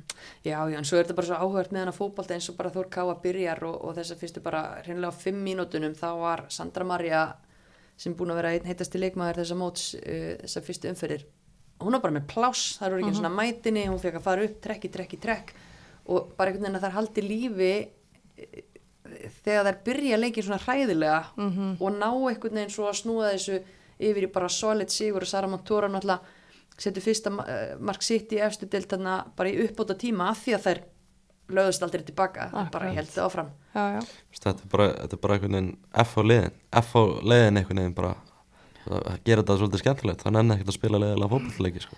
eins og nefndum að fimm útileiki komnir á fyrstu sex það er eins gott að það verði það er unnu keflavík heima þannig að það er, það er gott rekord á heimavelli líka Já, og það sé bara búin með eitt leik. Að- þetta er bara þetta er samt bara enn eitt dæmið um það hversu skemmtilega og svona óutreiknulega þessi deild er sko. ég held að ég var farin að hugsa bara um daginn eitthvað Þórká vinnu breyðarblik 2-0 bara frábær heima sigur Sandra Maria og Hulda Ósk bara leika sér á blikunum. Ég bara Þórká getur bara orðið bara meistari í ár. Mm svo, svo bara núna er þær lendið í fimmtasæti búin að tapa þreymur í röð. Já, já. Það er, þetta er mjög áhugert líka bara, veist, vorum að tala um valaðan veist, fyrir tímabölu og valur bara í þriðja seti í öllum spám og svona, fólk var að tala meira um stjórnun og breyðablík og eitthvað svona, það eru bara skellir hlæðandi núna bara með, með 13 stig þetta er, þetta er, þetta er virkilega, virkilega skemmtilegt mót hinga til Já, já, en að sama skapi, ég menna, það eru með 13 stig, það eru búin að tapa fjóru stigum og það er mjög skrítið líka, það er sex umferðir já, já. og þú horfir hérna á KSI og horfir á stöðutöfluna og það er bara gulur, rauðu, grætn og bara lita, litavisla bara á öllum liðum. Já, Það er engi með einlitt nei, og það er, er hérna, hvernig er þetta að fara að enda svo er úrslitakeppni og alls konar sko. er, er bara, þetta er frábært. Það verður eitthvað og bara við þurfum að, já, mæta á vellin að því að þetta er búið að vera svo ógíslega skemmtilegt, þú veist aldrei hvað er að fara að gerast. Já. En hérna, já, en við erum í, þetta ætti að vera svona slagur fyrir bestöld kanna, veist aldrei hvað er, hvað er að fara að gerast. Og ég meina næsta umferð, það eru, hérna, efstu sex liðin eru öll að spila, sérst, innbyrðis. Já, og kannski áður en að ég fæ eitthvað til að spá í hana að því við erum nú í bóði orku náttúrunar og, og hérna ætlum að velja on leikmann umferðarinnar uh, allir býð ykkur með að býða aðeins í að, með að rýna í næstu umferðina. Uh, og vissið að það er hérna, komin sumarleikur on? Nei, Nei, Nei, þá mæl ég með því að þið tjekkið á on.is, takkið þátt í sumarleiknum að þið þið getið unnið árs áskrift af heimaleðslu on. Já, og svo er líka minnivinningar einn, einn frímánuður á öllum hlæðslustöðum á þessu on.is og við ætlum að velja on leikmann umferðinar það var pínu erfitt en við vorum samt sammála já. hver vill eh, tilkynna Ég tek það. þú var heiðurinn Lilja hver Það var er on, on í sjötu Málfríður Anna Eiríksdóttir, til hamingu kamiljónið á já, miðinni hjá Val eða í vörninni. já, það var á miðinni núna Já. sem að, sem að hvenær fer, hún í sóknina eiginlega? Gefa stundum, Já, kantinn. Já. hvernig fyrir hún í mark Hefur- Hvernig hann í marki? Hvernig ætla hún sé í marki? hún verður ekki að geða ykkur marki sko. Hefur hún verið að spila á kantinu? einhver tíman ef ég sé hann á kantinu með það er svolítið Ég, langt síðan, held ég. besti leikur sem ég hef síðan að spila þá var hann á kanti. Og þá var ég að þjálfa anstæðingin og ég finna að við skorað sjömör eða eitthvað, við gátum ekki stoppað hana. Jæja, það var ekki gott. En Já, já. ef að Pétur er að hlusta kantinu með hana. Já, neini, bara möllu. hvert sem er eins og hendur henni bara hún er bara eins og góður björgunarringur og, og leysir það sem að þarf að leysa. Algjörlega. Um, en hérna uh, næsta umferði tali um hana og hún er vissulega mjög mjög áhugaverð. Mm Mhm. fæ ykkur til að spá örstut í hana svona í lokinn og uh, já, fyrsti leikur Keflavík IBVF Það eru sögulínu þannig að maður. Það eru sögulínur. Jonathan Glenn Mæta, Já, alls, það var nú alls konar drama í kringum það í fyrra. Já, og hann tekur leik með sér frá mhm. Eigum Það og verður örgulega hart barist Já. í þessum leik.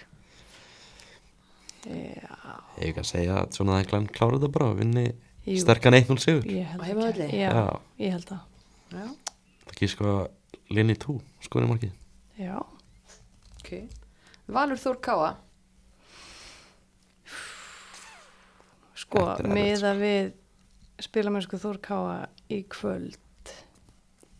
Svona hallast að þá segja Valur Já. og, og svona flugið sem að Valur er á einhvern veginn núna eftir sinnleik myndi ég setja þetta á Val ég, ég ætla að segja 2-0 Valur Arnarsif skorar. Allavega annan markið. Mótið sínu gömlu Já, fjölum það væri, það væri svolítil.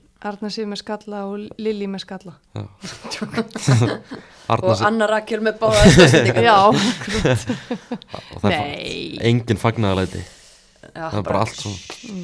Já. Já, ég held að ég held að Valur taki þetta með fullmanna lið og fullmannaðan bekk maður var ekki búin að pæli þessu margir akkurringar í Já, valsteginu mjög, já, það er nefnilega bara þannig. Það er gott í þessu. Já, gott í þessu. Segir Lilja Akureyngurinn og fyrrum, leikmaður vals. Og Þór K. Það já, eða Þór K, KS og Þór. Já, alveg times, já. F.O. Selfoss. Sæt. Sko, ég held að FH taki þetta. Ég held að þær hérna mæti dýrvillusar ekki það, Selfoss, ég vona að þær mæti dýrvillusar líka. En ég ætla að segja FH taki þetta ef, ef það gerist þá fara nú viðvörunarbjöldunar að ringja sko. að ringja hátt á selfossi. Já, ef, Já, ef. Sjáum hvernig kapla krikavöllurinn reynist Mm. F.O.ingunum ef fangar ég ætla að spá því að þær fari hátt með liðið hátt með varnarlínuna þú heldur það Sherlock? Ég, ég held að ég held að á móti Emilí Óskars, það gæti Já, já Gæti- það gæti- reynda getur verið mjög Gæt- áhuga gæti verið pl- það er að fara að skapast pláss þarna fyrir hann að hlaupa í. Mm Já, þetta er, þetta er hörkuleikur, ég laka til að sjá hann. Tindastóll þróttur, þetta er allt leikir hérna 7. júni. stólanir vera skipilaðar á heimaðalli Það var held ég 1-1 þegar þessi liði Ég mættust ætla að segja að þetta, er svona eitt eitt líkt af þessu. Mm -hmm. Gwendolín hendi sér fyrir ja, 0-0 nokkuð skott. Nei, ég ætla að segja eitt eitt, það er skemmtilega 0-0 Ég ætla að setja X á þennan. Já, ég halla svona að, að því líka. Ég myndi segja svona þetta er X2 Hvað, engin, engin trú á þrótti eftir, eftir síðasta leik eða? Sko, ég, sko, fer líka rosa mikið eftir því hvort Katla og Olla mæti aftur sko. já. Það eru svona svona þeirra svona hættulegustu sóknar leikmenn sko, mm. það er mikilvægastu En ég, ég held að þetta sé kannski ekki ekki trú á þrótti, þetta er kannski bara meiri trú á tindastól Já. eftir svona svolítið Tvo sýr í röð? Já, Já. fólk er búið að jafna sig svona eftir körfuboltan og fyrir að mæta á völlin og svona Ok. Já, bara... bara Sorry, til- til- mist. Ég er bara, ég er bara mjög impressed ef að, ef að stólarnir halda áfram hérna á rönninu á rönninu ég Já. bara, ég er alltaf smá, smá stóll í mér sko. Fólk, lítur nú að fjölmenna á þannig leik á þriðdagi klukkan 19.15 sko, Það trú hlýtur ekki vera. á króknum. Það hlýtur að vera, það er ekkert annað í gangi. Það er ekkert annað að gera sko.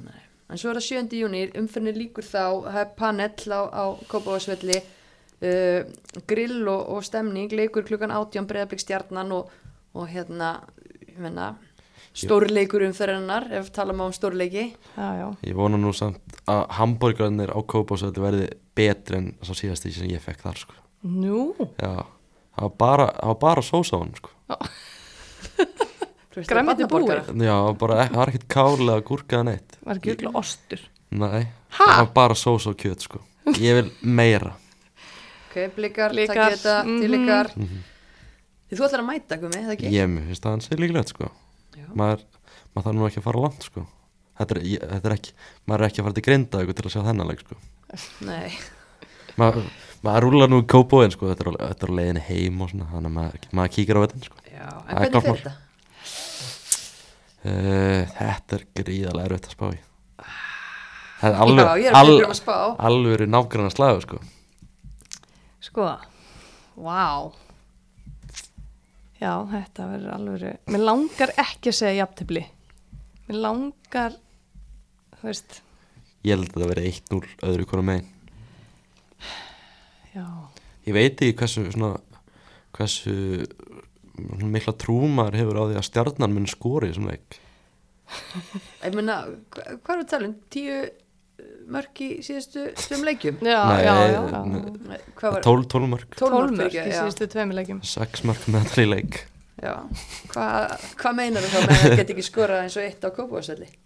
slíkandur með Tony Presley í, í vörninni og, og þannig það er, það er með, með sterka, sterka vartaminn Ég held að verði skorað í þessum leik. Það er svona- kannski er þetta svona wishful thinking. En nei, mér langar til þess að vera skor meira en eitt Mhm. mark. Ég vil þetta verði alvöru marka leikur og ég ætla að segja breyðablik vinna þetta. Og Andra, með fulla stúku. Andrea Rudd skori fyndamarkið já, sitt á tímbilinu allir, allir Katrin Ásbjörn skori ekki? Típist, Jú, það væri típist, hún skorar pottit í þessum leik. Og blikarnir vinna, fagnar hún? Ef hún skorar, já, Yes. kalda kvæður Þar, þar heyrðu, heyrðu það, heyrðu þetta fyrst hérna. Hún gleymir sér í gleðinu og fagnar og, og, stoppar. En það stutt í þetta, ég meina að komið í minnati að komið förstu dagar hjá okkur, þessi leikir eru að fara að spilast á, á þriðudag, miðugudag, það er nú fyrir að reyna á hópana, það er búið að spilast ansi þjætt og, og njask hér og þar, þannig að það fyrir líka tikkin. Uh, en já, bara hvetjum fólk til að mæta á völlin, við getum ekki ít á stopp án þess að tala aðeins um útlendingun okkar, bæinn mun hér, þýskumestari, Glótis Karolín og Cecilia til hamingju. medalju um hálsin til hamingju. Glótis einn af tíu bestu leikumennum Evrópu og það er svo stórt sko. bara endalust lof sem að hún er að fá. Arsenal hefur áhuga. Mm var Arsenal, ég til í það? Arsenal er bara víst að reyna að kaupa hana heyra maður, eða það? það er eitthvað, eitthvað svona viðræðir í gangi. Já. ok. ég sem Arsenal kona þó ég sé líka hérna, elska að fylgjast með þessu bæinliði og bara það er ég svo til í Arsenal 3 með Vikosdóttir á bakið það, það er nú eitthvað mikið til þess að bæinn selja hana sko, til Arsenal. Það er enda rétt. Nei, nei, þessi svona, en þú veist, frábært verður hún bara dýrasti dýrasti, leikmaðurinn. dýrasti leikmaður sögunar Lótis varnarmaður það er, það er ekkit aðrilega svolít sko. Nei, en, en bæin er heldur ekkert að grínast, þær voru að tilkynna, ég menna það er loksins búið að tilkynna Hardir og Eriksson, loksins, uh, já, náttúrulega, búið líka í verst geimda leyndamál Akkurat, en, en það er komið stað fyrir sví á þær og þetta bæinlið er náttúrulega bara í byllandi, spennandi vegferð og það er bara svo geggja að sjá okkar konur einhvern veginn í þessu risa giggi. já, það er ætla að vinna mestarluna næsta ári ég held að það sé alveg klart mál Sveindís ætlar að vinna hana núna, úslitaleikur á laugadaginn, Mhm. Sveindís Jane, Keflaugum Ærin er að fara að mæta Barcelona mm -hmm. með nok nokkrum vinkonum og Wolfsburg. nokkrum, það er svo ógislega svo svolít sko. geggjað það er mjög nett og bara, þú veist ég, sjá bara Guardian í dag. Bara þjálfæri Arsenal að skrifa einhvern pistil um hvernig að stoppa Sveindísi Ég var- það er bara, ha? Bara gangi, gangi þeim í Barcelona vel sko. Já, Þetta er, við erum að fara að sjá, við erum örgulega að fara að sjá Sveindís Jane á móti Lucy Bronze í endafenn lögðaðin spáði það. Ó, það verður eitthvað maður. Og við verðum öll að gera svo vel að horfa klukkan hvað er leikurinn á íslensku tíma. Það sé, hann er frekar snemma er það ekki? Jú, Ah, já, fólk verður bara að kíkja á man ekki alveg, ég, ég held að það sé klukkan fjögur íslensku tíma ég gæti verið rámt, ég held að já, það sé já. klukkan fjögur ok. Veitum Þetta hvað- verður hörkuleikur Já, þetta er náttúrulega bara morgun að því að komið við minnati. Já. Já. já, já, já. Bara svo mikið ruggli fólk. Laugadagur 3. júni úslita leikur meistaradildar Evrópu streymið á DASN Er þetta ekki á YouTube? Á YouTube. YouTube, já, Já. já. Þetta- Já, DASN síðu, Já. ja, YouTube síðu DASN, já. Er ekki- er- Verður ekki hægt að horfa á þetta líka á stöðu sport eða? Er þetta sínt þar? Ég veit ekki Ég held Ég að það ekki. það sé bara með uh, réttin. Já, og þetta, já. Já, fra, Og ég held mér þess að, að, að því nú er þetta allt frýtt Mm. og mér minnir ég var, var ekki í greinum daginn þar sem að var að tala um að á næsta ári er þið farið að selja áskrift. Já.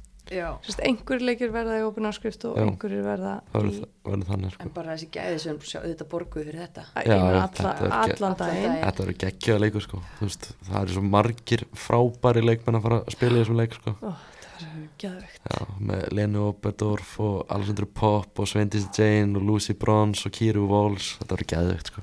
Hvernig fer úslituleikur? Af því að þeir eru svo góðir spámenn. Svo fljóta hugsa Já. og fljóta spá. já, einmitt Wolfsburg vinnur. Já, já, Wolfsburg vinnur, 100% sko. Sveindi skorar þrennu Hún leggur allavega. Leggur allan upp. Já, Hún mun- hún ógna með hraða sínum og krafti já. Það Leggur er upp. hérna, líka kannski minnast að Dæni Brynjarsdóttir náttúrulega hamar ásins Eh, Já, það er risastórt. Það er geðveikt sko, Hammer time. hammer time sko Og til það mikið þar líka, Já. Bara langbæsti leikmann í vestam í Akkurat. Það er geðveikt sko. Já, vorum, vorum akkurat að tala um það í ennska boltanlegaður hvernig dagina hvort hún var að fara í eitthvað stærra lið. Mm. en vill hún fara? ég held að hún vilja ekkert fara sko. Í vestam er náttúrulega bara í hjartanu Hennar sko, lið, sko. Já. Master United reyna að sæna hana í sumar eða eitthvað. Bara nei takk. Ég er bara í vestam for life. Já, Hún er sjá ekki hvað setur. Já. En það er frábært að, já, sjá, sjá hvað gengur vel við að þýski meistarar, vonandi meistaradildar, meistari allavega hana, meistaradildar, úslitaleiks, leikmaður. Já, Sveindís þriði íslenski leikmaðurinn í sögunni til að taka þátt í úsleik meistarlega Gæsa húð. Já, Hmm. Og bara baráttu kveðjur á Svindísi, Hamiki Óskir á, á bæjarana og, og Danny og potið einhverja fleiri sem við erum að glema hann úti en þetta er það sem að ég er já, ber hæst. Það verður ekki flug er. það verður auðvitað flug sín ekki keflaug á lögöldaskvöldið og eitthvað. Það er er alveg ekki veistla búið að sko. flýta ljósanótt bara, Já, það er eins gott. Það verður þannig flugeldasýning bara hjá okkur. Og svo er það náttúrulega uppselt á leikinn í andafinn já, Það fyrst, er ekki fyrsta sinn í sögunni sem er tróðfullt á úsleik meistarlega var ekki uppselt í fyrra veit það ekki, ég held ég að lesa eitthvað starf allavega svona snemma? Já, að, það er uppselt fyrir þó nokkur síðan? Já, bara Já. uppselt fyrir tveimu vikum eitthvað. Já, Já, sem er frábært þannig að það er geðveik stemning og það hefur verið frábær fótballtalegur mhm. Já. það er alveg, og svo er HM að fara að byrja og Að það er alltaf að það gera er alltaf að gera sko. Við erum að Við fara- verðum, við verðum fann að tala fram, fram í morgun ef við ætlum að halda áfram. Já, við erum bara að fara að hittast oftar. Nú er hérna allt svona útlandabras og, og svo leiðis búið í billi og verðum við bara á landinu. Jónsinu þar í Vestmannum í sínum útlandum og svona og, en hérna, ég kannski svona lokum. Þannig að ég hvet bara, auðvitað ekki búin að sjá við Pétur Péturs frá því í gær. Eða frá því mið, miðvikudaginn farið að tjekkja á því það er, er, er ógeðslega að fyndi hvernig það endar. Það er svona bara mic drop moment. Það er, ég hvet fólk til að kíka það látum það verða loka orðin Yes. í, í laungu minnati þætti. Takk ykkur Gummi og Lilja fyrir að koma. Takk fyrir mig. Takk ykkur góða fólk fyrir að hlusta. Takk takk